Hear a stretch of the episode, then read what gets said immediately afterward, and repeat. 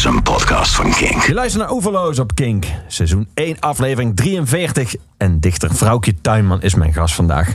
Vrouwtje, welkom in Oeverloos. Dankjewel. We gaan het hebben over uh, jouw nieuwe bundel. We gaan het hebben over heel veel over muziek. We gaan het over jou hebben, maar we gaan het ook hebben over Mike Patton. Wat wil je weten? Hij staat op de lijst met de muzikanten die we gaan draaien. Ik ga hem twee keer draaien. Je hebt zelf een nummer aangedragen wat je graag wil horen. Maar hij komt ook terug. Althans, zijn band, een van zijn vele bands, Dead Cross, komt terug in jouw bundel. Dus die wil ik straks draaien. Uh, hoe lang is Mike Patton al een van de grote mannen van jouw leven? Nou, eigenlijk niet eens zo heel erg laat. Uh, lang, want ik, ik was er heel laat bij volgens mij pas in 2008 of 9 toen ze op Lowlands hun rentree maakten, Fate No More. Toen, was ik, uh, toen viel ineens het kwartje bij mij. Want ik, ik weet nog, op de middelbare school had ik verkering met iemand die het leuk vond. En toen snapte ik er helemaal niks van, want ik dacht dat het serieus was.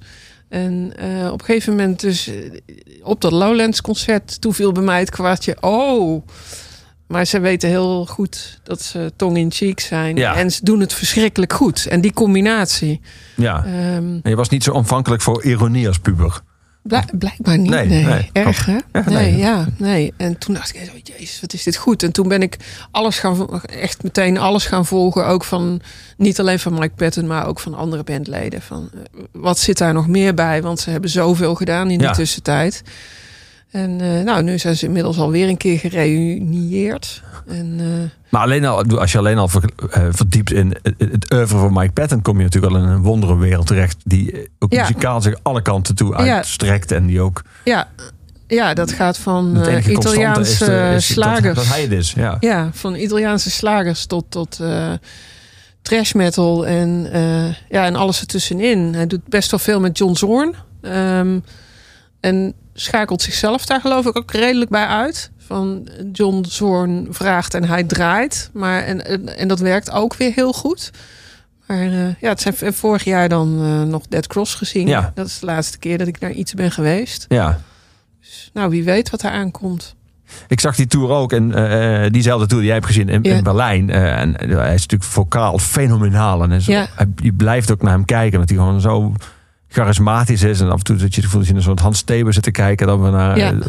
Maar ik weet niet of hij echt sympathiek is op de een of andere manier. Hij heeft ook iets heel recalcitrants. Heb je hem nooit geïnterviewd? Nee, nee. Oh ja, ik heb hem één keer geïnterviewd. Oh, en? en? toen vond ik hem ontzettend sympathiek. Op het zachte af.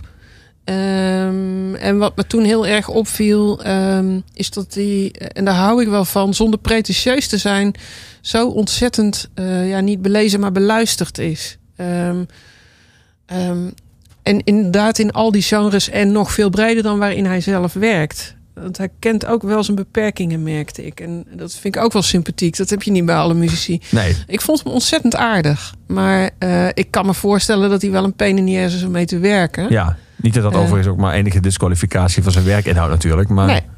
Ik vroeg me en... gewoon af omdat, hij zo, omdat je gewoon naar hem blijft kijken. Omdat Ja. je probeert te peilen. Wat eigenlijk Ja. best wel moeilijk is op het Ja. podium. Ja.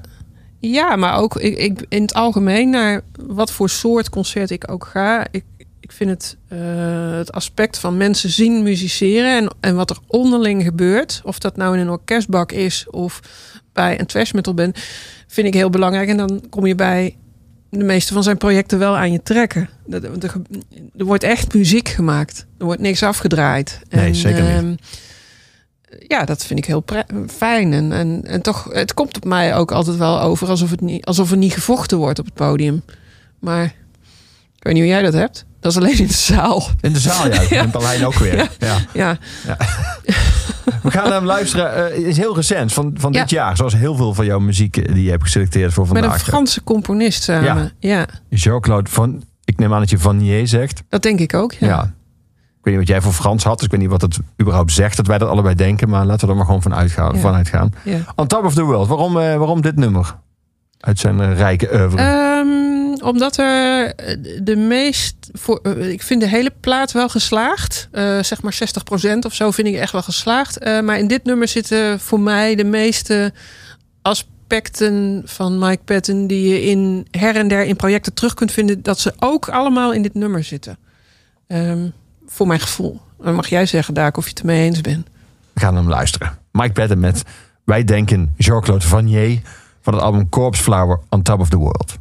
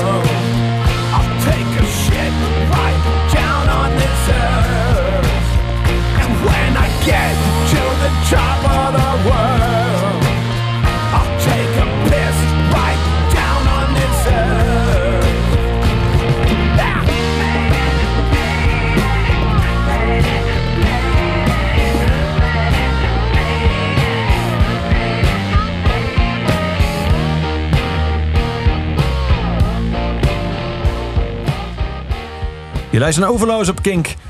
Vrouwtje Tuinman is mijn gast. Vrouwtje, we praten over, aan aanleiding van eh, jouw nieuwe bundel Lijfrente. Eh, de bundel gaat over het eerste jaar na het overlijden van jouw man. Nou, hij was formeel niet jouw man, maar je schreef eigenlijk dat een ziekenhuis wel handig is. En alle medische Ja, toestanden... ook- ontzettend. om gewoon man te zeggen, want dat is dat in ieder geval duidelijk. Ja. De dichter Frank Starik. Ehm, hoe lang duurde het voordat je kon schrijven nadat hij overleden was? Oh, dat is een goede vraag. Ehm,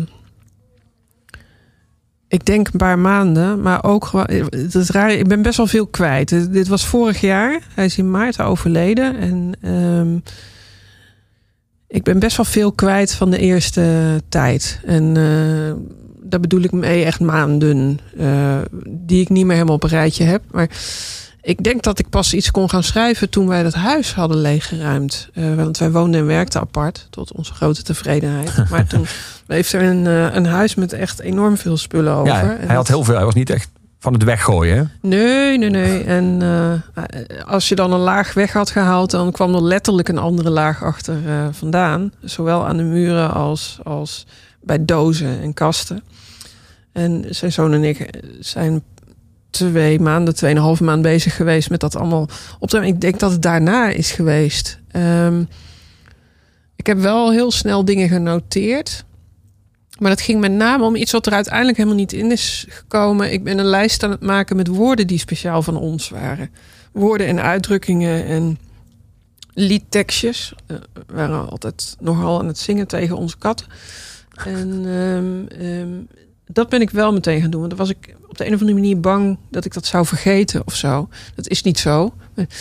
Eh, maar daar is heel weinig van in die bundel terechtgekomen. Dus ja. Was het niet, eh, liet het zich niet uiteindelijk uitwerken tot poëzie? Of vond je het te veel Ja. van jullie? Of was het... Allebei. Hm. Ja. Niet alles is poëzie wat je opschrijft. Echt Nee. niet. En, eh, en het was erg particulier. Niet per se, dat ik per se vind dat niemand dat dan mag weten. Maar ik denk dat het gewoon niet interessant is. Dus, eh, en misschien ooit wel hoor. Want ik hou die lijst nog steeds bij. En de, de, de, de verwijzingen naar onze ja, belevingswereld zitten nu veel meer eh, in een ander soort details. Ehm er zit bijvoorbeeld een gedicht in over condoleancekaarten. Mhm. En daar heb ik een condoleancekaart in opgenomen die ik helemaal niet heb gekregen. Met twee meisjes op het strand erop. Maar dat was omdat ik. Ik, ik vond dat was eh, twee meisjes op het strand van Remmel van het Groenewoud. Dus een van Franks lievelingsliedjes. En ik wilde dat een plek geven. En daar heb ik een kaart van gemaakt. En, ehm, en dat, nou ja, dat weet dus verder niemand. Nu wel, als er iemand luistert. Maar, ehm, en, maar dat is voor mij dan fijn, want het is een manier om iets van hem erin te stoppen. Zonder dat het te veel eh, overvloeit en aan de oppervlakte ligt. Ja. Ja. ja. En toen je na, na een paar maanden ging schrijven, was dat, eh, had je meteen het idee van ik wil eigenlijk een bundel, of ik wil zeg maar hier werk van maken, of deed je het vooral eh, voor jezelf? Ik geloof dat het eigenlijk wel vrij snel meteen eh, werkachtig werd. Ehm, dat had er ook mee te maken dat het gewoon ehm, het enige was wat me op dat moment genoeg interesseerde om over te schrijven. Dus, en ik geef mezelf af en toe een periode om te mogen schrijven wat ik wil. En dat was toen een beetje aan de hand. Dus eh, als het niks was geworden, was het ook goed geweest. Maar Ehm, en ik was al een beetje begonnen. De eerste drie, vier gedichten heeft Frank nog gelezen. Die, die, die gaan over zijn eerste hartinfarct en, en revalidatieperiode daarna. En dus ik, ik, ik was al wel een beetje begonnen. Ik wist ook wat hij daarvan vond. Ehm, hij vond het heel erg om te lezen. Eh, en erg confronterend, maar ook dat ik het gewoon moest doen. En ehm, eh, ja, dus dan, dan zit je blijkbaar al op een pad. Ja. Dat was bijvoorbeeld een gedicht in Bouwplaats. Eh, mijn man klaagt over de jukebox die in mijn leven houdt. Die piept en blaast als hij meldt dat hij naar huis toe gaat. Naar het station. Maakt niet uit welk. Hij hoeft alleen maar op te staan. Was dat bijvoorbeeld uit die periode? Ja, dat is gewoon heel letterlijk ehm, een moment op de intensive care waar hij lag. En, ehm, en ja, voor iedereen die wel eens op zo'n plek is geweest. Ik, ik vond het heel mooi eh, dat hij. ehm, dat hij het zelf als een jukebox benoemde. Want het was een van. Ja. dat woord kwam. maar Dat Ja, woord dat, was van hem. kwam van hem. Kan die jukebox uit? Kan die jukebox uit? Nou, liever niet natuurlijk. Nee, liever niet. Maar dat was hem heel slecht uit te leggen op dat moment. Ehm, ziekteinzicht was niet zijn allersterkste kracht.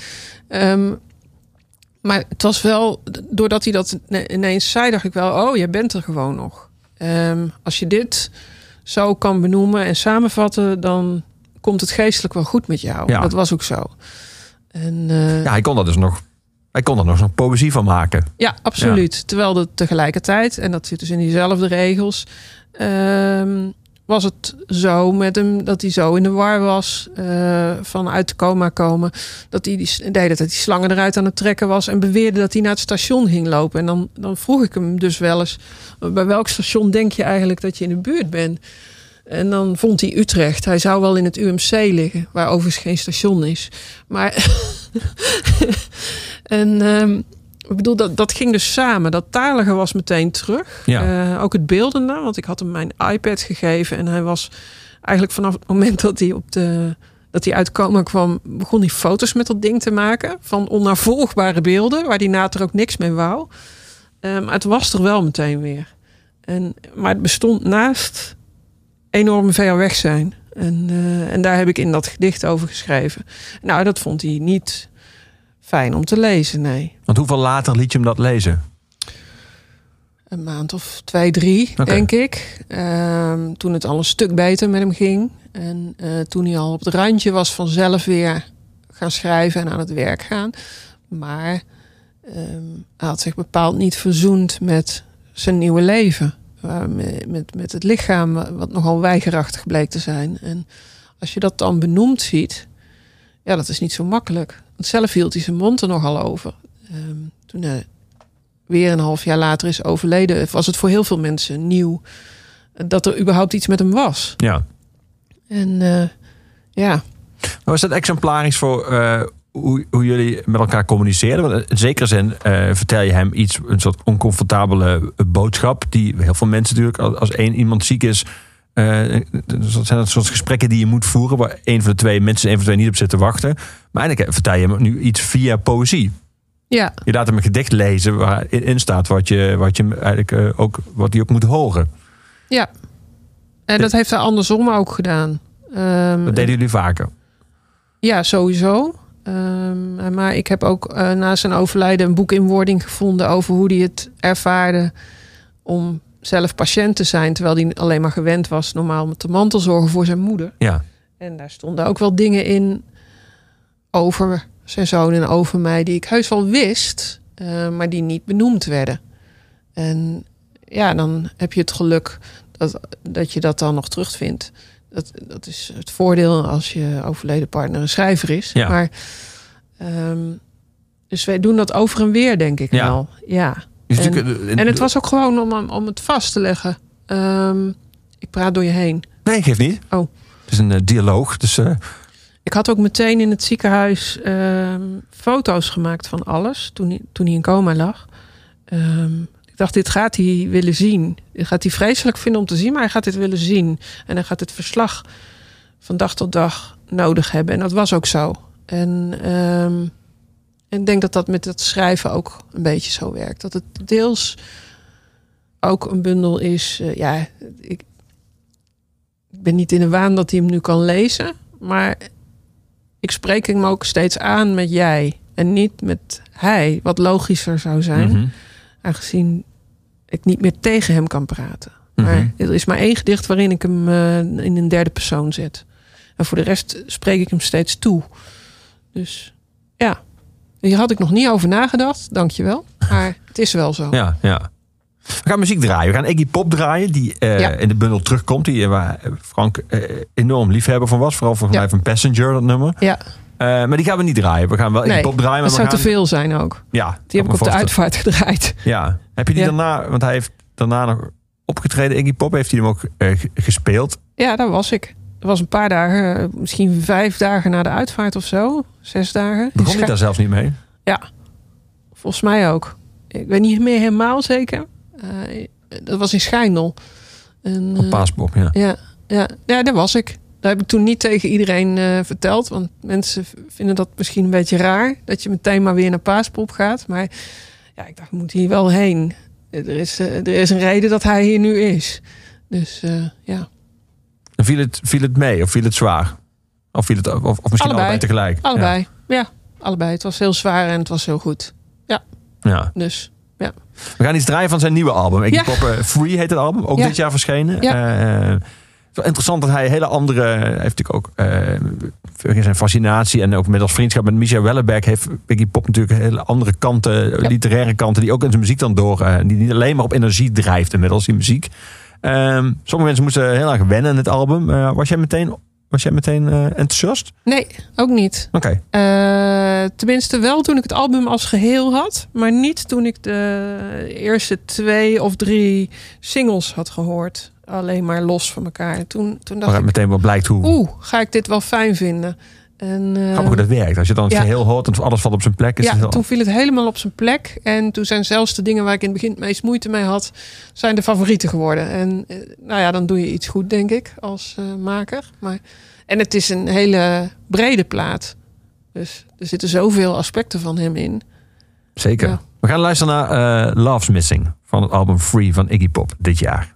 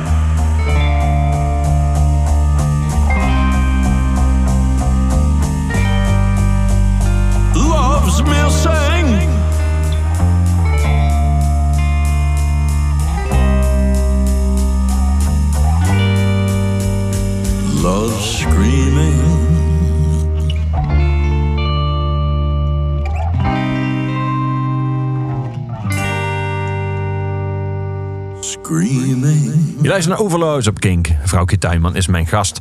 Vrouwtje, ehm, in, in, in het gedicht Mop in eh, Lijfrente eh, schrijf je... de onverstandige dingen komen met zoveel meer opdagen dan de brave. Je geeft ze één vinger en voor je het weet nemen ze de hele man. Ehm, je zei net dat Frank, eh, zeker de laatste jaren van zijn leven... heel vaak de, de- de mantelzorger van zijn moeder was. Maar was jij Ja. uiteindelijk de mantelzorger van Frank? Nou, niet alleen ik, maar eh, ook zijn zoon. Ehm, maar dat is zeker wel aan de orde geweest, ja. En moest jij hem behouden voor eh, het slechte en... eh, Ook dat is aan de orde geweest, ja, absoluut. Daar heeft hij zelf ook over geschreven in, in, in wat dan uit is gekomen als Ja. boek klaar. Ja, hij moest zijn nieuwe leven bestond uit allerlei dingen niet meer kunnen en dingen niet meer mogen. En dat is een hele moeizame combinatie om mee om te gaan als je een vrij autonoom aangelegd iemand bent. En eh, niet meer mogen, dat was dus met name niet meer roken en drinken. En eh, voor, er moest ook een jellyneck bij aan de pas komen. En eh, dat is allemaal niet eenvoudig. En dat duurt allemaal heel erg lang voor je die mensen gemobiliseerd krijgt.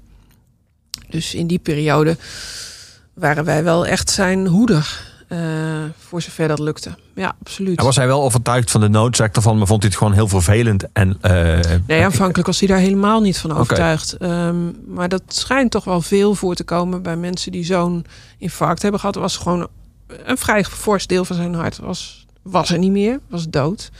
Hij is een half uur gereanimeerd, dat is niet mis. Ehm, hij kwam er eigenlijk al heel, eigenlijk heel jovel uit. Maar dat betekent niet dat je die overgang zo makkelijk reëel kunt maken. Eh, het is misschien ook gewoon te groot om meteen te beseffen: oh, maar ik was dus eigenlijk dood. En, en dat heeft daar en daar en daar mee te maken. En ik zou daar dit, dat en dat aan kunnen doen. Dat, eh, dat, dat is heel groot om dat in één keer te beseffen. In ieder geval, ik heb gezien dat dat voor hem zo werkte. Ja. En dat daar echt een paar maanden overheen gingen. En in die paar maanden moesten wij erg voor hem zorgen en op hem letten. Om, ja, omdat hij dat eh, ook wel gewoon eh, nu achteraf bijvoorbeeld van, eh, van mensen horen, van literaire organisaties of zo. Dat, ik, ik werd toen ook al een keer zo'n, hoe heet dat? Een tijgermoeder genoemd. Tijgermoeder.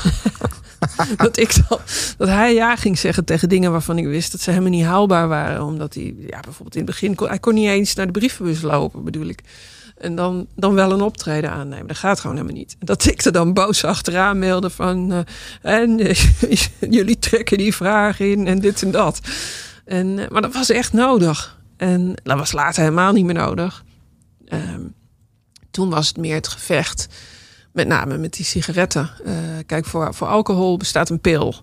En, en die heet Refusal en die werkt. En, ehm, die Als je die slikt, drink je niet meer. Het schijnt dat Rijk de Gooien er altijd wel doorheen heeft gedronken. Maar ehm, in, in principe, als je ervoor gevoelig bent eh, dat je door een externe omstandigheid niet meer kan drinken, dan werkt die voor je. En Frank was bijvoorbeeld iemand eh, die het nooit moeilijk had met als we ergens heen vlogen. Nou, met al die securities, eh, dan kwam het erop neer dat hij al een halve dag niks had gerookt. En dat was geen enkel probleem. Elke keer weer zei ik, maar stop dan nu. Want geen afkikverschijnselen, niks gezweet, helemaal niet geklaagd. Nee, want voor hem was het zo, als het niet kan, dan kan het niet. En eh, qua drinken creëerde die pil dat voor hem. Ja, ja. Hij had 's ochtends prima, want hij was geen dagdrinker, geen overdagdrinker. Hij had 's ochtends gewoon de discipline om die pil te nemen. En nou ja, vervolgens kan je niet meer drinken, want dan krijg je een soort... Ja, je schijnt hartkloppingen te krijgen. Dat is niet iets waar hartpatiënten blij van worden. Nee. En, ehm, en hij had niet de drang om nou eens uit te vinden of, of dat echt zo was. En Of hoe Rijk- erg dat was. Of Rijk de Gooier gelijk heeft. Ja, ja. Maar dat, van dat andere zou je hetzelfde zeggen voor, eh, voor roken. Je hebt dan al met al zo lang in het ziekenhuis gelegen. Dan heb je niet kunnen roken dat je Ja. de, de afkikverschijnselen eigenlijk al gehad hebt. ja, het was ook zo. Dat was absoluut zo. Eh, maar toch was het enige wat hij wou toen hij van die intensive care afkwam. En, eh, was roken en drinken. Ja, ik kan naar huis en dan kan ik roken en drinken. Ja, vooral roken. Hm. Ja. ja. Nou ja, dat mocht dus niet, hè? Nee. En ehm, ik ben zelf nog nooit ergens aan verslaafd geweest, maar het is een vrij krachtig mechanisme. En eh, dat met het roken is ook niet helemaal goed gekomen. Dat, eh, daar is dan niet een pil voor die voor hem werkt in ieder geval. En dat is gewoon een gevecht gebleven. Ja. Dus Maar had, hij dat, had je het gevoel dat dat, ehm, dat, hij, dat hij snakte naar zeg maar, het genoegen van een sigaret? Of was die sigaret inmiddels ook een soort symbool geworden van ik wil wel een paar dingen zelf kunnen bepalen, ook al zijn ze volgens anderen ongezond? Eh, Absoluut. Allebei die dingen. Ja. En in de ja, eh 35 jaar ervoor of zo was roken en drinken synoniem aan werken. Dus ook net een andere generatie dan wij. Ja, Ehm, en als je dan, ja, wat ik al zei, een autonoom, autonoom leven leidt in een beroep waar het ook nog eens best normaal wordt gevonden allemaal. sterker nog, misschien zelfs een beetje gecultiveerd ook. Absoluut. En ehm, met name dat roken, dat, dat, dat zat voor hem gewoon weg, eh, vast aan kunnen produceren. Ja. En eh, ik als niet-roker vind dat natuurlijk onzin.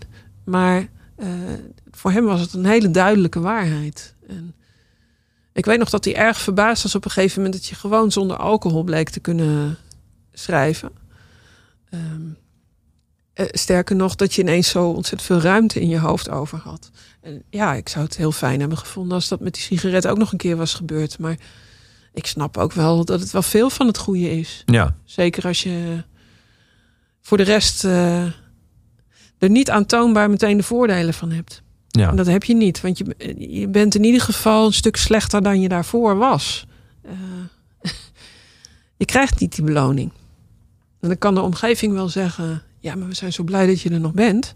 En eh, we hadden je veel slechter verwacht. Maar da- ja, dat is geen realiteit. Nee, nee. Dus We gaan naar Ramstein luisteren. Eh, van het album Ramstein. eh, met die Lucifer op de, op de Ja. cover. En die witte cover.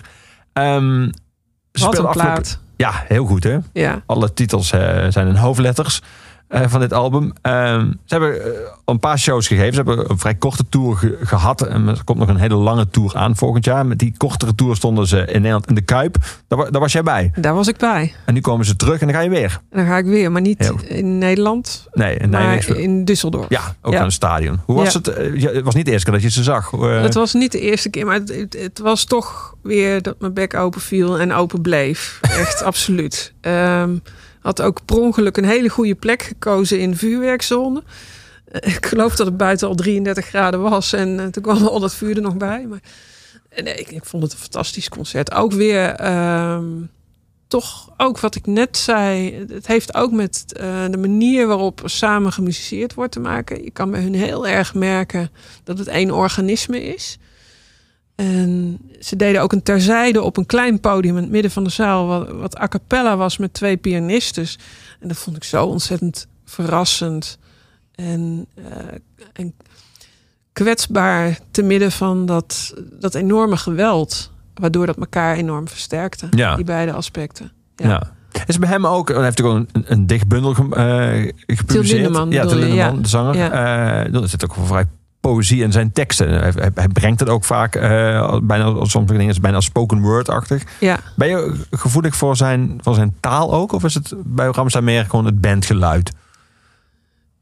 Ik geloof dat het meer om het bandgeluid gaat bij mij. Ehm, en als het de taal betreft, dan, dan vind ik het fijnst de, de meer ironische, relativerende teksten.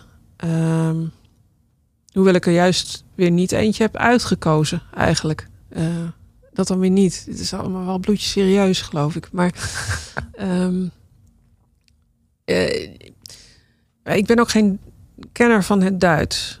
Eh, ik heb ook wel een beetje de indruk dat het Duits voor dummies is. En dat is natuurlijk ook wel heel krachtig dat ze dat doen en knap dat ze dat doen. En dat ze tot in Seoul in het Duits staan mee Ja. te zingen. Eh, kom er maar eens om.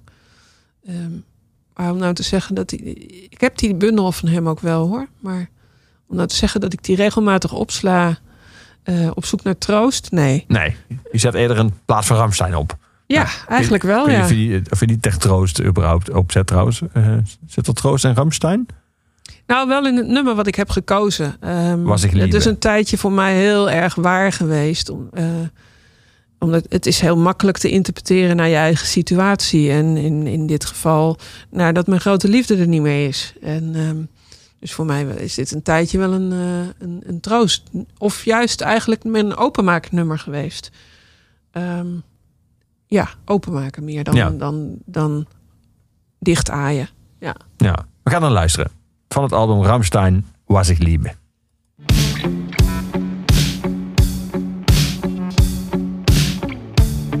Ich kann auf Glück verzichten, weil es Unglück in sich trägt. Muss ich es vernichten, was ich liebe, will ich richten. Dass ich froh bin, darf nicht sein.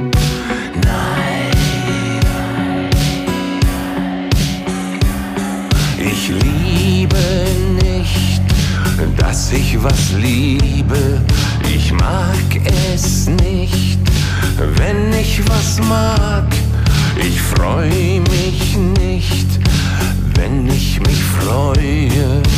Weiß ich doch, ich werde es bereuen. Dass ich froh bin, darf nicht sein. Wer mich liebt, geht dabei ein.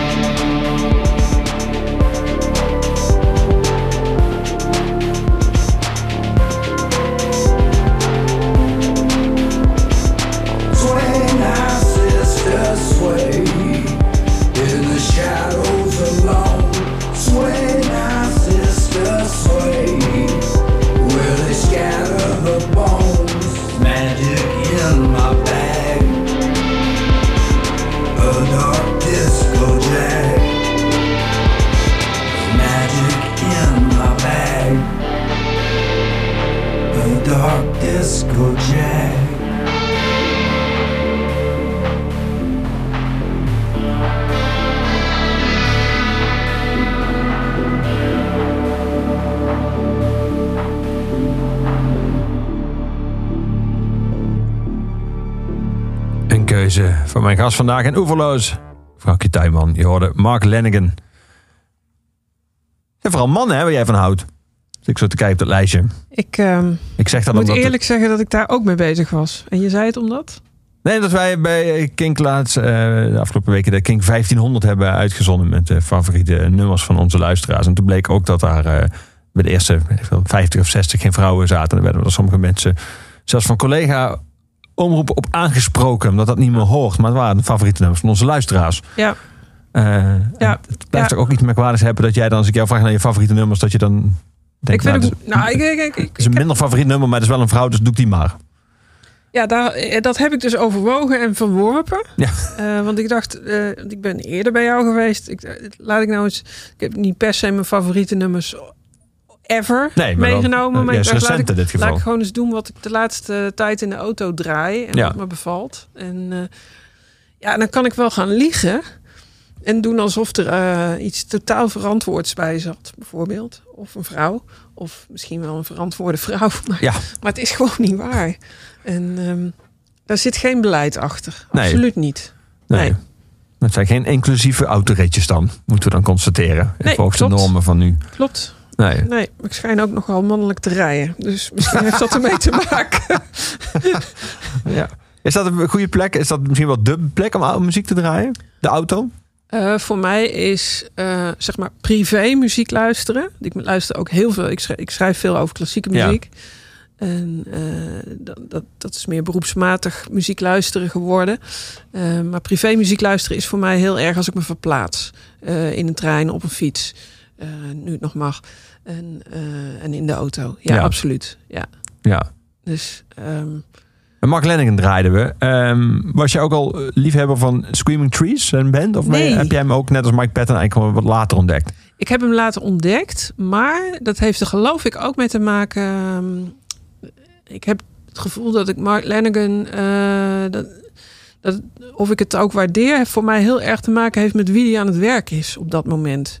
Ehm, ik heb hem. Want net zo- zoals Mike Patton verschilt bij hem ook zijn Ja. samenwerking en ook zijn stijl. Ja, absoluut. En eh, voor mij gaat Mark Lanigan ook soms een pad in wat helemaal niet geschikt voor mij is. Dus ehm, ik vind deze plaat wel weer heel erg fijn. Ja, zijn nieuwe. Ehm, maar er zitten er ook voor, eh, recentere platen zelfs, eh, waar ik helemaal niks mee heb. En, eh, en dan volgens zijn mij, stem, zijn stem is dan ook dus niet voldoende om jou dan is zijn stem blijkbaar niet voldoende, nee. nee. Wat wel apart is, want ik heb hem denk ik net als heel veel mensen ehm, ontdekt door de Queens of the Stone Age, eh, waar die op vier nummers Ja. of zo meedeed, eh, op, die, op die rode plaat. Ja, Ehm, hoe heet die nou toch? Ja, zoek die rode plaat. En, ehm, en toen heb ik hem wel echt aan zijn stem ontdekt, zeg maar. Eh Die plaat heet, even kijken. Songs the vergeten. Deaf, natuurlijk. Songs for the Deaf, ja. Ja, hè? ja. godzijdank.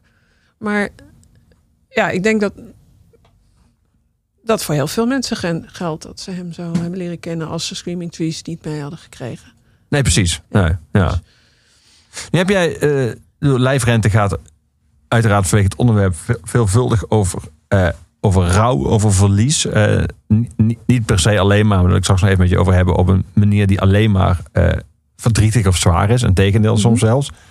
Ehm, maar je hebt een, een aantal jaar geleden, eh, in 2008, ook te maken gehad met zeer dichtbij verlies en rouw. Toen een van jouw beste vrienden, volgens mij was je allerbeste vriend, Ja. overleed. ehm, een ongeluk.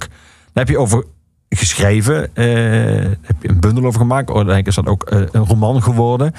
Ik zou me kunnen voorstellen dat je, eh, los van dat je niet wenst dat je zo vaak in je leven, zeker zo kort achter elkaar, met zo'n verlies wordt geconfronteerd, maar dat je ook als dichter en als schrijver op een gegeven moment gewoon geen woorden meer hebt voor rouw. Ja, Dat de taal op is, dat je die hebt opgebruikt in de rouwclub en intensive care en de manier waarop je erop geschreven hebt. Nou, dat zou ik eigenlijk wel fijn vinden als dat een keer gebeurt. Ja, Maar kennelijk is dat niet zo. Want nu ligt dat toch lijfrente. ja, ja maar eh, doden zijn eigenlijk net mensen. Het is eh, iedere keer is het heel anders. En ehm, dit was zo'n ander proces. Ook weer in de aanloop en in de afwikkeling. Dat, eh, ja, dat het toch weer zo was dat het het enige was waar ik ruimte voor had om over te schrijven. Ondertussen verdien ik gewoon ook geld als journalist hoor. Het is Ja. niet zo dat ik fulltime met die, met die rouw bezig ben in woorden. Maar ehm, in mijn vrije werk was het toch het enige weer. Ja, en ik, eh, ja, nee, ik meen het echt. Ik zou het wel prettig vinden als, dat, eh, als het een keer op is. Ja, Ja, het is nog net niet. Ik zit ik heb nou die bundel af en dan merk ik dat ik toch weer een paar dingen zit te schrijven die daarover gaan. Maar naar nou ja, misschien hou ik die op een gegeven moment ook voor mezelf. Hè? Dat kan ook. Maar ik kijk heel erg uit naar een, eh, naar een, een lange werkperiode aan een boek wat, eh, wat verder van mij afstaat. Ja, mijn laatste roman, die, die, die was een soort van een historische roman. En ik heb daar zo ontzettend veel plezier in gehad. Daaraan te werken. En, eh, en, en ik hoop heel erg dat er zoiets weer komt. Ik ben alleen niet iemand die actief ehm, gaat zoeken naar iets waar een boek in zit. Ik Nee. dat het, eh, dat moet ik aandienen. het moet zich aandienen. En, en ik ga er meestal pas wat mee doen op het moment dat het zich eh, irritant aandient. Dat, het, eh, dat, moet ik er last, dat ik er last van krijg. Ja. Ja. Dus, eh, en dat, ja, daar is gewoon de laatste tijd geen ruimte voor geweest. Dus ja, dus dat is even afwachten. Maar ik zou het wel fijn vinden, wat minder eh, dood en rouw in mijn, in mijn werk. Ja. En in mijn leven trouwens ook. Ja, dat snap ik, eh, ja. In eerste instantie, maar ook in mijn werk. Ja. Maar het is gewoon even niet zo. Ja, Had je, had je daardoor momenten van een soort eh déjà vu, of niet? Dat je zat te schrijven aan lijfrente en dat je opeens fladen terug, of woordgebruik, of dat onder, onder woorden proberen te brengen van een bepaald gevoel dat op de een of andere manier aan, aan, aan eh, het vorige aan rouw gerelateerde werk deed denken? Of, of was het echt, Ah, ja ook tot de tijd die ertussen zit en een totaal andere vorm, was dat helemaal niet zo? Nou, wat overeenkomt, eh, is, is dat ik heel erg naar de ehm, praktische dingen kijk. Ik schrijf graag over de dingen die je misschien wel eigenlijk niet hoort te zien als je zo bezig bent met zoiets groots. Ehm, en, en dat is hetzelfde gebleven. Eh, in, in die bundel over Frodo was een voorbeeld dat ik het ontzettend heftig ding vond om zijn koelkast leeg te ruimen dan wel op te eten. Want ik, ik, ik kan niet zo goed dingen weggooien. Dus ik moest veel zelf ook opeten. En dat vond ik allemaal heel symbolisch. Zijn laatste dit, zijn laatste dat. En er zat dan ook heel veel vlees in de diepvries. Nou, dat kan ik niet eten, want ik ben vegetariër. Maar dat mag dan ook niet verspild worden. Nou, dat vond ik allemaal heel erg groot. En, eh, en ontroerend en verdrietig en kwaadmakend. En het zit voor mij heel erg in, in dat soort dingen. Eh, en die bekijk ik graag. En daar schrijf ik dan over. En dat, dat is gewoon nu nog steeds weer zo. Ik heb nu een gedicht geschreven over hoe we Frank hebben aangekleed in zijn kist. En ehm, dat was in eerste instantie heb ik, denk trouwens dat dat een van, om e- op je eerdere vraag terug te komen, dat zal een van de eerste gedichten zijn geweest die ik heb geschreven. Want ik wilde gewoon voor mijzelf, wilde ik vastleggen hoe we dat hadden gedaan, voor het geval ik het zou vergeten. Het gedicht waar je ook op wijst dat hij niet van zijn eigen tenen hield. Ja, hij vond zijn eigen tenen echt niet om aan te zien. En ik hield juist heel erg van ze. Ze waren namelijk allemaal bijna even lang. En ja, dat is misschien inderdaad niet helemaal normaal. Maar ik vond het altijd een ontzettend gezellig rijtje om te zien. En, ehm, ehm, en terwijl ik opschreef hoe, ehm, of hoe ik hem aan heb gekleed, besefte ik ineens: oh, ik heb niet meer naar die voeten gekeken. Niet meer goed. Want ja, je moet toch, je moet door. Er staat iemand naast. Eh, er is, eh, mijn stiefzoon was aan de andere kant bezig met een andere sok. En eh, het ging hem makkelijker af dan mij. Ja, want je schrijft ook omdat jij geen kinderen hebt. je, helemaal, van mensen met kleine kinderen, of die de kleine kinderen hebben Ja. gehad, die weten natuurlijk, of kinderen die klein zijn geweest, bedoel ik die Ja. natuurlijk. Die zijn daar heel makkelijk in en die weten precies hoe je zo'n voetje moet optillen. en dat allemaal. Ja, Maar ja. jij was, dit een, jij was aan het klungelen. Ik was aan het klungelen en hij werkte natuurlijk ook helemaal niet mee. en ehm, ik wilde het ook niet afronden. Dat was het ook. En tegelijkertijd wilde ik het wel afronden.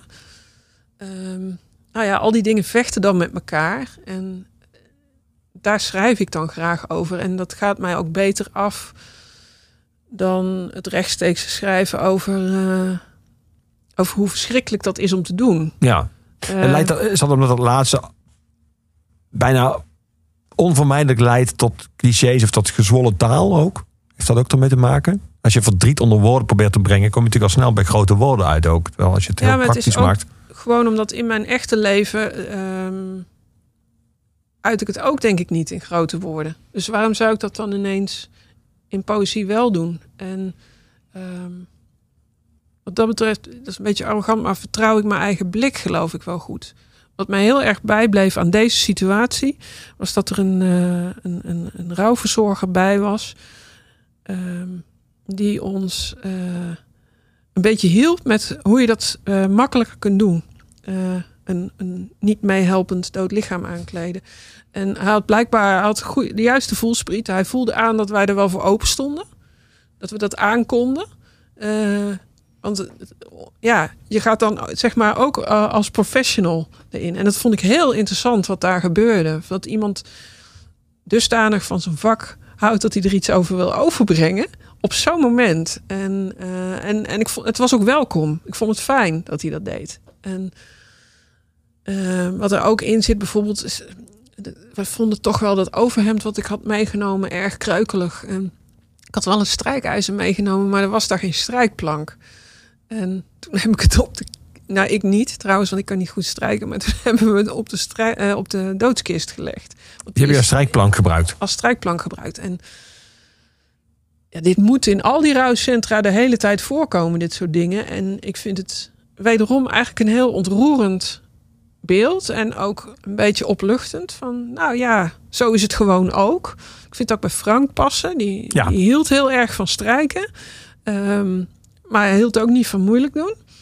Dus het, het kon helemaal. En eh, voor mij zit het dan veel meer... Het, het verhaal en de emotie zit veel meer in dat soort beelden... dan, dan in de daadwerkelijke tranen. Want ik, ik was er natuurlijk ontzettend bij aan het huilen. Maar dat zit niet in het gedicht. Want Nee, ik vind het niet zo'n interessant gedeelte. nee. Ja. We gaan naar Frank Black luisteren. Ja, Ook van dit jaar. Van eh, Numbers on Paper. Eh, ehm, waarom een- deze? ja het is een ode. een tributeplaat Ja. aan een meneer die ik helemaal niet ken. Ehm, een Amerikaanse singer-songwriter. Ja, En eh, er staan allemaal leuke mensen op die plaat. Waaronder ook eh, weer Iggy Pop trouwens. Ehm, en ik, maar ik vond dit een heel verrassend uitschietertje. Omdat het zo klein en groot tegelijk gezongen is. En best een beetje brutaal. En eh, ik, vond, ik vond het leuk. En, ja, ben je naar de Pixies gaan kijken of niet? ik ben niet naar de Pixies geweest, nee. Nee, deze keer niet. Nee. Jij wel? Nee, nee. Ik heb wel, we, hebben, we hebben wel iets gemist volgens mij. Ja. Ja, dat zeggen altijd die mensen die er wel waren. Ja. We gaan, hier is Frank Black met Numbers on Paper.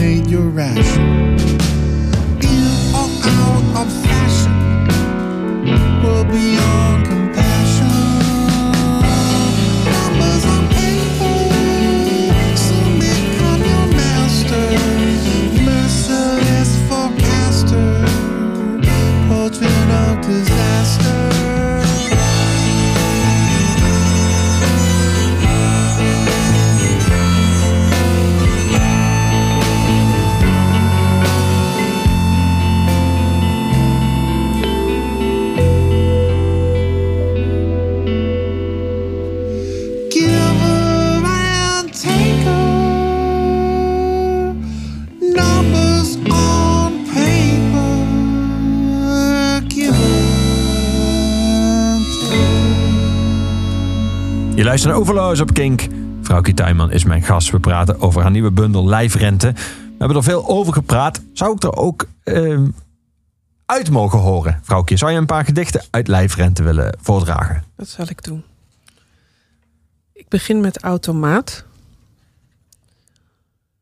En dat is misschien ook een van de vroegere dingen die ik erover schreef. Ehm, het viel me op een gegeven moment op dat ik blijkbaar echt veel te veel in ziekenhuizen en aanverwanten kwam. Dat ik thuis ook stond te wachten tot de automatische deur open ging. En dat is heel gek, maar dat gebeurt thuis niet. Automaat.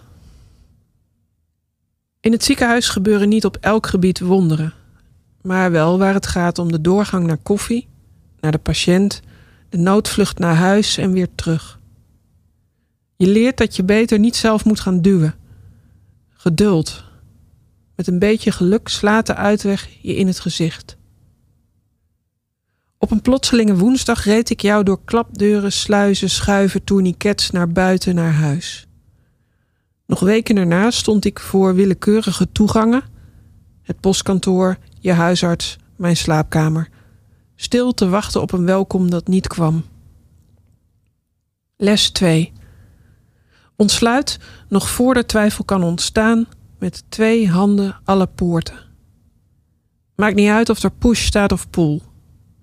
Berust niet. Sla desnoods degene die een deur voor je open wil houden voor zijn hoofd. Ga niet in op de belofte van een wonder.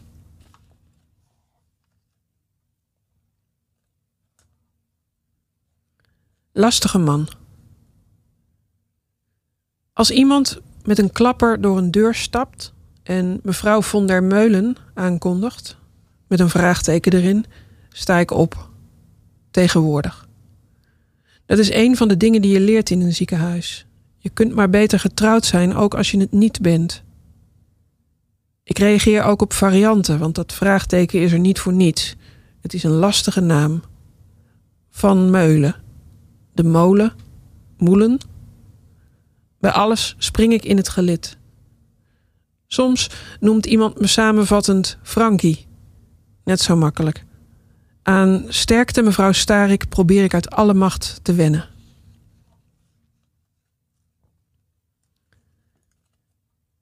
Moshpit. Het beste gaat het nog op dinsdagavond in de Melkweg, waar de allerhardste band de vloer polijst. Bijna iedereen is man en draagt een doodshoofd of skelet en bijna niemand weet van iets. Ze vragen pas hoe het met me gaat wanneer ze met hun volle gewicht op me staan. Mijn schoenen of mijn bril oprapen en zien geen traan. The future has been cancelled. Allemaal.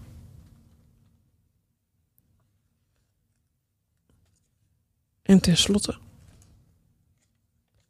Lepels. Inmiddels ben ik zo moe dat ik naast iemand ben gaan liggen. De eerste nacht lag ik nog braaf wakker, maar gaandeweg ben ik gaan slapen. Eerst een uurtje, toen steeds langer. Aanvankelijk met wat lucht ertussen, maar de laatste tijd, zegt hij, kruip ik elke keer wat dichterbij, begin te snurken, zegt hij. Duw mijn hoofd tegen zijn schouderblad en mijn kont wringt hem in een bocht die we allebei nog niet kenden. Het is wachten op het moment dat ik hem over de rand duw.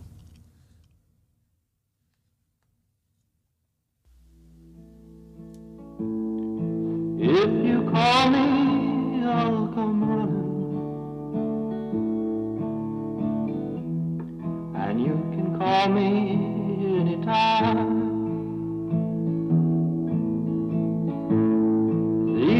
Sixteen strings were strumming. They will back up every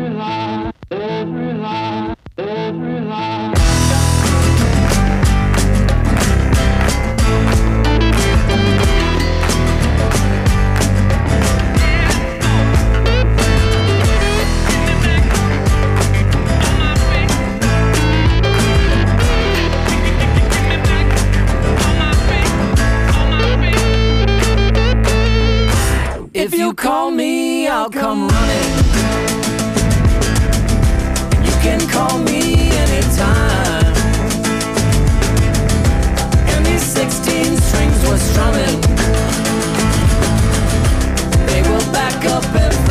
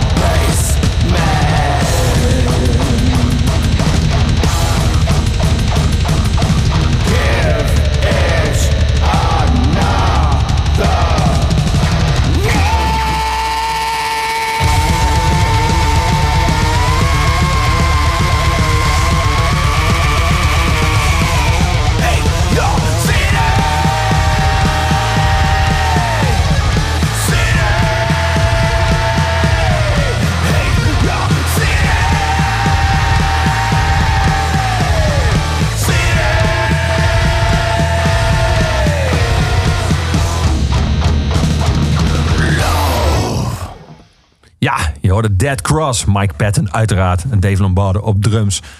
De band waar eh vrouwtje Tuinman zojuist in Moshpit aan refereerde. In de Melkweg waar de allerhardste band de vloer polijst. Dat was deze band. Dat was Dead deze band, ja. En je stond echt in de Moshpit zelf? Of je stond op Ja, veilige zeker. afstand op een balkon of aan de zijkant? Nee, ik stond helemaal vooraan. En je, Nee, br- je bril viel ook af, of niet? Mijn bril viel Jezus, ook echt af. En, mijn, leven gegrepen en allemaal. ik ben een schoen verloren. En, eh, en het was fantastisch. Ja, En ze waren uiteindelijk al die mannen met een eh skull t-shirt en eh 100 kilo plus waren wel allemaal heel lief voor je. ja, ik was met mijn vriendin Lieke. En eh, na afloop, dat was heel leuk, kwamen er een paar... Ja, ik weet niet, het waren volgens mij Spaanse jongens van een jaar of 22, 23. En die kwamen ons vertellen dat ze ons zo ontzettende stoere wijven vonden. Dan voel je je wel oud hoor. Maar ja. Ja, Ja, ja, daar knapt een mens van op. ja. Echt, Ja. Goede, echt een goede band, Dead Een Cross. hele goede band. Een van zijn ja. vele bands. Ja. Een groot deel schrijf je in Bad Scène 2. Een groot deel van de tijd doe je een goede poging tot aanwezigheid. Via de mensen, via mij, tot vervelends toe ben je erbij. Is dat nog steeds zo? Of verandert dat? Ehm, nou, ik krijg wel van heel veel mensen te horen dat ze Frank die nacht nog in hun slaap hebben gesproken of, eh, of zijn aanwezigheid voelen. Ja, en varianten daarop. Dat, ehm, en ik ben daar inmiddels wat rustiger over. In het begin ehm, had ik er echt wel een beetje moeite mee. Ehm, niet omdat ik jaloers ben. Eh, ik- ben blij dat ik dat zelf niet de hele tijd heb. Eh, het is niet voor niks dat wij ook apart woonden en werkten. Eh, ik heb dat op een gegeven moment ook tegen zijn broer gezegd. Het is niet dat we nu ineens, dat ik nu wel wil samenwonen met hem, nu die dood is. Eh, ik, ik, ik denk ook niet dat hij dat zou doen, de hele tijd boven mij hangen. Zou hij van mij ook niet waarderen. Ehm, aan de andere kant is het ook bijzonder dat je steeds eh, via via hoort dat hij tekens geeft. En ja, of soms zelfs letterlijk iets doorgeeft. En ehm, ik heb toch ook wel. ster- eh, voor mij is het niet zo, maar da- eh, dat betekent niet dat het niet waar is. Eh, als dat ook een realiteit is, prima. Ja. Dus, dus ik luister wel als mensen het me vertellen. Ja. Ja. Ja. Dus wat wel, eh, inmiddels heb ik veel meer toegang eh, gekregen. Het is nu ruim anderhalf jaar dat Frank dood is. Ik heb weer toegang gekregen tot Frank in mijn hoofd. Ehm, ook gewoon omdat ik nog twee boeken van hem heb geredigeerd en samengesteld. Ehm, omdat ik mijn eigen bundel aan het maken was, wat ik normaal deed, in, eh, ja, door heel veel met hem ook daarover te spreken. Wij lazen altijd mekaars werk en ook echt met een rode pen. En het, het lukt mij steeds beter om die gesprekken weer te voeren. Eh, maar ben ik natuurlijk gewoon zelf beide kanten. Ja. Maar ik heb weer toegang tot wat zei hij en hoe zei hij het. Ja. Lijkt me ook een enorme eh, verantwoordelijkheid om eh, degene te zijn die moet zorgen dat zijn werk nog en zijn hele nalatenschap, zeg maar, dat die beheerd blijft, dat dat wordt uitgegeven, goed uitgegeven, dat het geredigeerd wordt, dat dat in de geest waarin hij het had gewild. En dat weet jij als geen ander hoe hij het had gewild, eh, ook eh, tot de, tot, tot, maar, tot de mensen komt. Ja. Ehm, voelde, dat als, eh, voelde dat als zodanig, als een zware verantwoordelijkheid, of was dat juist heel fijn om dat te doen? Allebei. Ik, ik voel het wel echt als een taak. Maar ik ben ook iemand die dat nodig heeft. Die een project nodig heeft om het, om het in te kanaliseren. En, ehm, hij had gewoon heel hard gewerkt. Ehm, ook toen hij eenmaal ziek was geworden. Ja. En harder dan ik dacht ook nog. En ik vind het gewoon niet bij hem passen om dat dan niet... eh, om dat dan ja, gewoon maar ergens te laten liggen of zo. Dat, eh, waarom? En, ehm, dus dat moest voor mij gewoon. En er was heel veel beeldende kunst uit zijn, uit zijn kunsttijd. Die we ook hebben geëxposeerd en geveild. En eh, verder niet om er rijk van te worden, want er gingen ook dingen voor 2 euro weg. Maar ehm, het voelde wel als een soort taak om te zorgen dat het verder kwam dan de opslag. Ja. Ehm, ik, ook, ik verzamel foto's die mensen mij sturen van voorwerpen en kunst van Frank in hun huis. Daar heb ik inmiddels heel veel van. En, eh, en dat vind ik leuk. Dat is, dat is weer een kunstwerkje op zich aan Ja. het worden. Dat die dingen overal te zien zijn en, en een totaal andere context hebben gekregen. En eh, naast een bijzonder lelijke kast bijvoorbeeld. en, eh, maar dat vind ik leuk Ja. dat het op een hele andere manier eh, ja, leeft, is een beetje een groot woord. Maar in ieder geval niet uit het zicht is. Nee. En, eh, en beter in zicht is dan hoe hij het zelf deed. Want het meeste wat hij had zat allemaal in, in kisten en was helemaal niet toegankelijk. Omdat er zoveel voor stond. Dus ja, Maar waren die kisten waren dat, eh, voornemens? Waren, zat die in kisten opdat zij op een dag en dan iets? Of Deels. Ehm, hij is ooit een een jaar of twee, drie voor zijn overlijden begonnen met zijn atelier opruimen en alles verkopen. En toen is hij ongeveer tot de helft gekomen. En toen, ja, toen was de expositieperiode gewoon voorbij. En, en de rest zat gewoon nog dicht in dichtgetimmerde museumkratten. Die waren er nog helemaal niet uit geweest. En eh, ja, blijkbaar. eh, ja, hij, had, hij st- stond in zijn testament, zet het allemaal bij, bij- bij het grof vuil. Maar ik denk dan, eh, je hebt zelf heb je er een opslag voor gehuurd, wat niet goedkoop is in Amsterdam. En dus blijkbaar is het toch genuanceerder dan zet het maar bij het grof vuil. ja, En ik tegenovergestelde is gebeurd. Een deel is bij Ja. het Literatuurmuseum terechtgekomen ook. Ja. Van zijn nalaten. ja, ja, en bij het Uitvaartmuseum zijn werken van hem. En ehm, ja, en her en der. Bij allerlei literaire organisaties waren ook heel veel mensen die echt heel graag, die me vroegen van, van mogen wij iets kopen of, of hebben eh, van hem. En eh, ja, dat vind ik heel bijzonder. Ja. Ja. Het, En dan was nog het werk waar hij mee bezig was. En dan heb je nog Ja. het werk van eh, de eenzame uitvaart. Het Ja. project wat hij begonnen is van mensen die in eenzaamheid sterven. Ja. Toch een laatste woord te geven. Ja. Dat, dat, dat werden gedichten. eh, soms van Frank zelf, soms van andere dichters. Maar door hem Ja. gecoördineerd. Er is al ooit een boek van hem verschenen met zijn gedichten. Maar er waren ook nog. Ja, er waren al twee delen verschenen en hij was aan het laatste deel bezig, dichter van dienst. Eh, en hij had in zijn hoofd dat dat dan in november 2018 zou verschijnen en dat hij dan af zou zwaaien. Nou ja. Als, dat had dat dan 17 jaar gedaan of zo.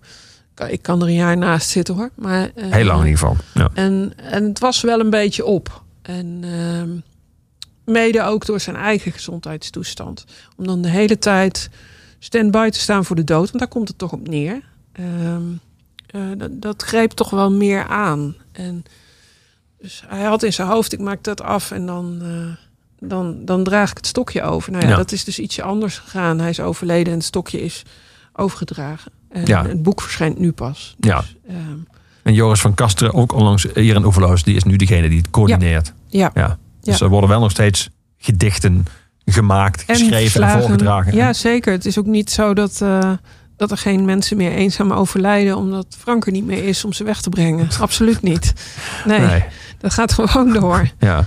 En dat gaat op een hele eigen manier door. En dat, dat, dat mag ook, vind ik. Ja. Frank deed het op een hele eigen manier. En ehm, ook, ook zeker als je terugkijkt naar zijn beeldende werk, was hij achteraf al veel langer mee bezig met het hele idee van mensen wegbrengen en, en, en hoe dat te doen. En, ehm, en dat heeft uiteindelijk een vorm gekregen in die eenzame uitvaart. Nou ja, dat, maar dat was ook een heel persoonlijk project voor hem. En nu is het dat, als het goed is, weer voor Ja. Van Kasteren. Ja. ja. We gaan muziek draaien. We gaan naar de Arctic Monkeys eh, luisteren. Eh, van vorig jaar. Ja, een ouwtje. Een oudje, ja, van- in de context van deze uitzending, jouw keuze voor deze uitzending, eh, wel. Is dat, ik bedoel, ehm, eigenlijk bijna alle muziek, nou, alle muziek die jij hebt geselecteerd voor deze overload, is muziek die eh, Frank niet meer heeft gehoord. Die verschenen is nadat Frank. Ja, dat klopt. Ja, ja. Ja. Wat zou ik daar eens over zeggen? Ja, weet ik niet. Ik, weet vrees, erover wil zeggen, maar ik denk dat het iets bewusts is. Iets onbewust bewust. Ja. Ehm, ik had van veel van deze artiesten... had ik nummers kunnen kiezen die heel belangrijk voor ons waren. Eh, wij draaiden altijd Bubblegum van Mark Lanigan. En wij draaiden de eerste plaats van eh, de raconteurs ontzettend veel. Enzovoort, enzovoort. Dat had gekund. Ehm, en misschien zou ik dat een jaar geleden ook hebben gedaan. Als je me, dat was niet echt een aanleiding om mij toen uit te nodigen. Toen bestond het ook nog niet meer, trouwens. nee, toen waren wij nog Ehm, niet terug. Maar nu dacht ik echt, ja, van wat ben ik nu aan het draaien? Ja, En eh, ja, dat maar dat is nieuwe muziek. is maar, nieuwe wel muziek. Voor, maar wel van een heel groot deel van de artiesten waar jullie samen naar Voor een luisteren. heel groot Ja. deel, ja. ja. Ja, Arctic Monkeys dan weer niet echt Nee? hoor. Nee. Maar eh, ik, vind, ik vind dit gewoon een heel fijn nummer. Ja. ja. Hoe heb je hem ontdekt? Ehm, hoe heb ik hem ontdekt? Gewoon, eh, het is geloof ik nummer drie of zo op de plaat. Ja, dus ik ben vier, gewoon ja. bij nummer één begonnen. En eh, toen kwam die op een gegeven moment. En toen dacht ik, dit is hem wel. Ja, dat is ook een titelnummer. Het is het titelnummer en eh, dat is lang niet altijd een garantie voor een succes. Maar in dit geval vind ik wel. Ja, Tranquility Bates Hotel en Casino van de Arctic Ja. Monkeys.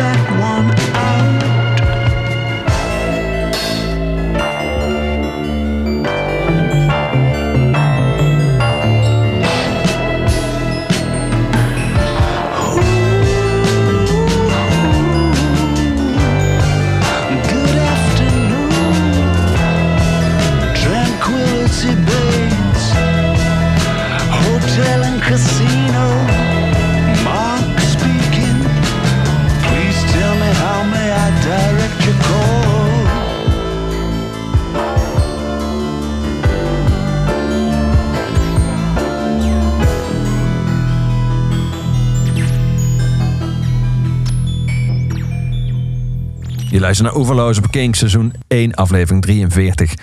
Mijn gast was de afgelopen anderhalf uur vrouwtje Tuinman over haar bundel Lijfrente. Vrouwtje, je hebt ooit met Ingmar Heitse samen nog een, eh, een bundel samengesteld met gedichten over eh rock and roll en daarnaast gedichten over seks en over drugs. Ja.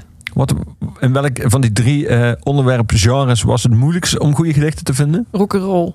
Serieus? Absoluut. Oh, ja, wauw. absoluut. Ja. Ja, dichters staan eh, zich er zelf vaak voor dat ze enorm muzikaal onderlegd zijn. Maar die indruk had ik eigenlijk niet zo. We hebben uiteindelijk ook echt, eh, als, er, als er zeg maar met kracht over Bach werd geschreven, dan mocht dat ook in rock and roll. Ja, dat was echt nodig. Ja, Terwijl Seks en drugs was makkelijker.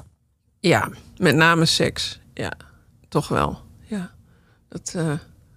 nou ja, is ook meer dan drugs en rock and roll. Het behoud van de soort. Dus, eh, dus misschien ook logisch, maar eh, ja, terwijl ik in potentie rock and roll zelf de interessantste vond. Dat is ook de enige waar ik zelf een gedicht bij heb geschreven. Ja. Om hem maar vol te krijgen, of niet? Of Nee, volgens mij staat hij er ook helemaal niet in. Oh. Maar dat, eh, dat, dat we dat als promo of zo hadden we allebei iets geschreven. Dus ja, Wel leuk toch? Om, Ja, heel om- leuk. Om, alles door te ploeteren. ja op zoek naar. absoluut, Ja. absoluut. Misschien ooit weer. Als het leven heel rustig is. Het was voordat eh, bij Ingmar iedereen geboren werd en bij mij iedereen doodging. Dus ja, we gaan Dankjewel. het zien. Dankjewel, Rauwke, dat jij was vandaag in Oeverloos. Dankjewel. Veel plezier volgend jaar bij Ramstein. En Ja. alle andere concerten van de artiesten waar we naar geluisterd hebben over anderhalf uur. En hopelijk laatste- gaan we samen naar Fate No More. Ik hoop inderdaad dat die eh, weer een tour gaan doen. We gaan afsluiten met eh, onze huisdichter, onze eigen Luc de Vos. Iedere week sluit hij Oeverloos af. Dus vandaag ook het laatste nummer van deze Oeverloos is Gorky met Mijn Oude Hart.